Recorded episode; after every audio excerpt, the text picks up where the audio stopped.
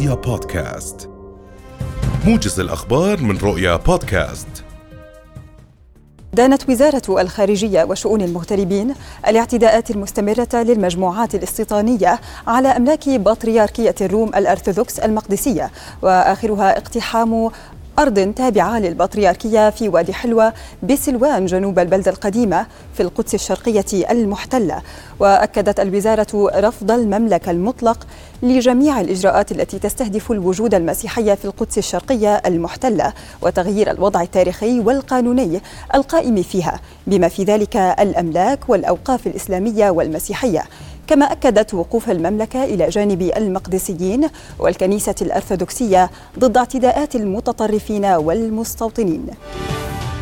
توقع رئيس الوزراء بشر الخصاونة أن ينعكس هبوط أسعار النفط عالميا على أسعار المشتقات النفطية محليا.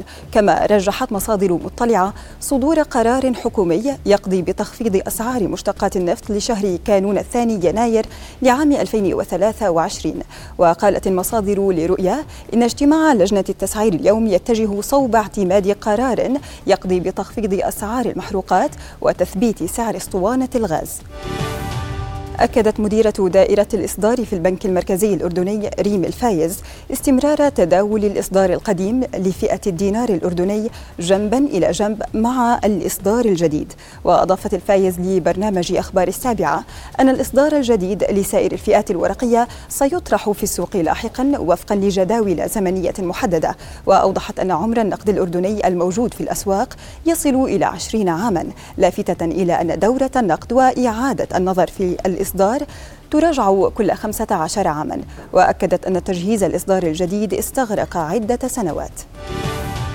طالب رئيس جمعية مستثمري قطاع الإسكان الأردني المهندس كمال العواملة الحكومة بتمديد العمل بإعفاءات الشقق والأراضي من رسوم التسجيل بنسبة 50% وأكد العواملة أن سوق العقار شهد في أول عشرة أشهر من العام الحالي ارتفاعا بنسبة 21% رغم تراجع نسبة مبيعات الشقق. وقال إن حركة بيع وشراء العقار عادت إلى ما كانت عليه قبل جائحة كورونا التي شهدت ركودا في هذا القطاع. وقع الرئيس الروسي فلاديمير بوتين مرسوما يحظر توريد النفط والمنتجات النفطية إلى الدول التي فرضت سابقا التي فرضت عفوا سقفا لأسعار الخام الروسي وينص مرسوم الكرملين على أن حظر توريد النفط والمنتجات النفطية إلى الدول التي فرضت سقفا لأسعار الخام الروسي ليدخل حيز التنفيذ شباط المقبل. ويتضمن المرسوم بندا يتيح لبوتين إلغاء الحظر في حالات خاصة. ارتفعت حصيلة القتلى جراء الفيضانات التي اجتاحت الفلبين إلى 25 شخصا بينما يتوقع بأن تتساقط المزيد من الأمطار فوق المناطق الأكثر تضررا في جنوب ووسط البلاد. وأجبر عشرات الآلاف على الفرار من منازلهم فيما غمرت الأمطار الغزيرة القرى الريفية والبلدات والطرقات السريعة يوم عيد الميلاد.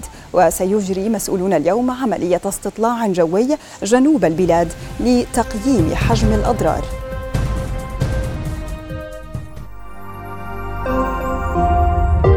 رؤيا بودكاست.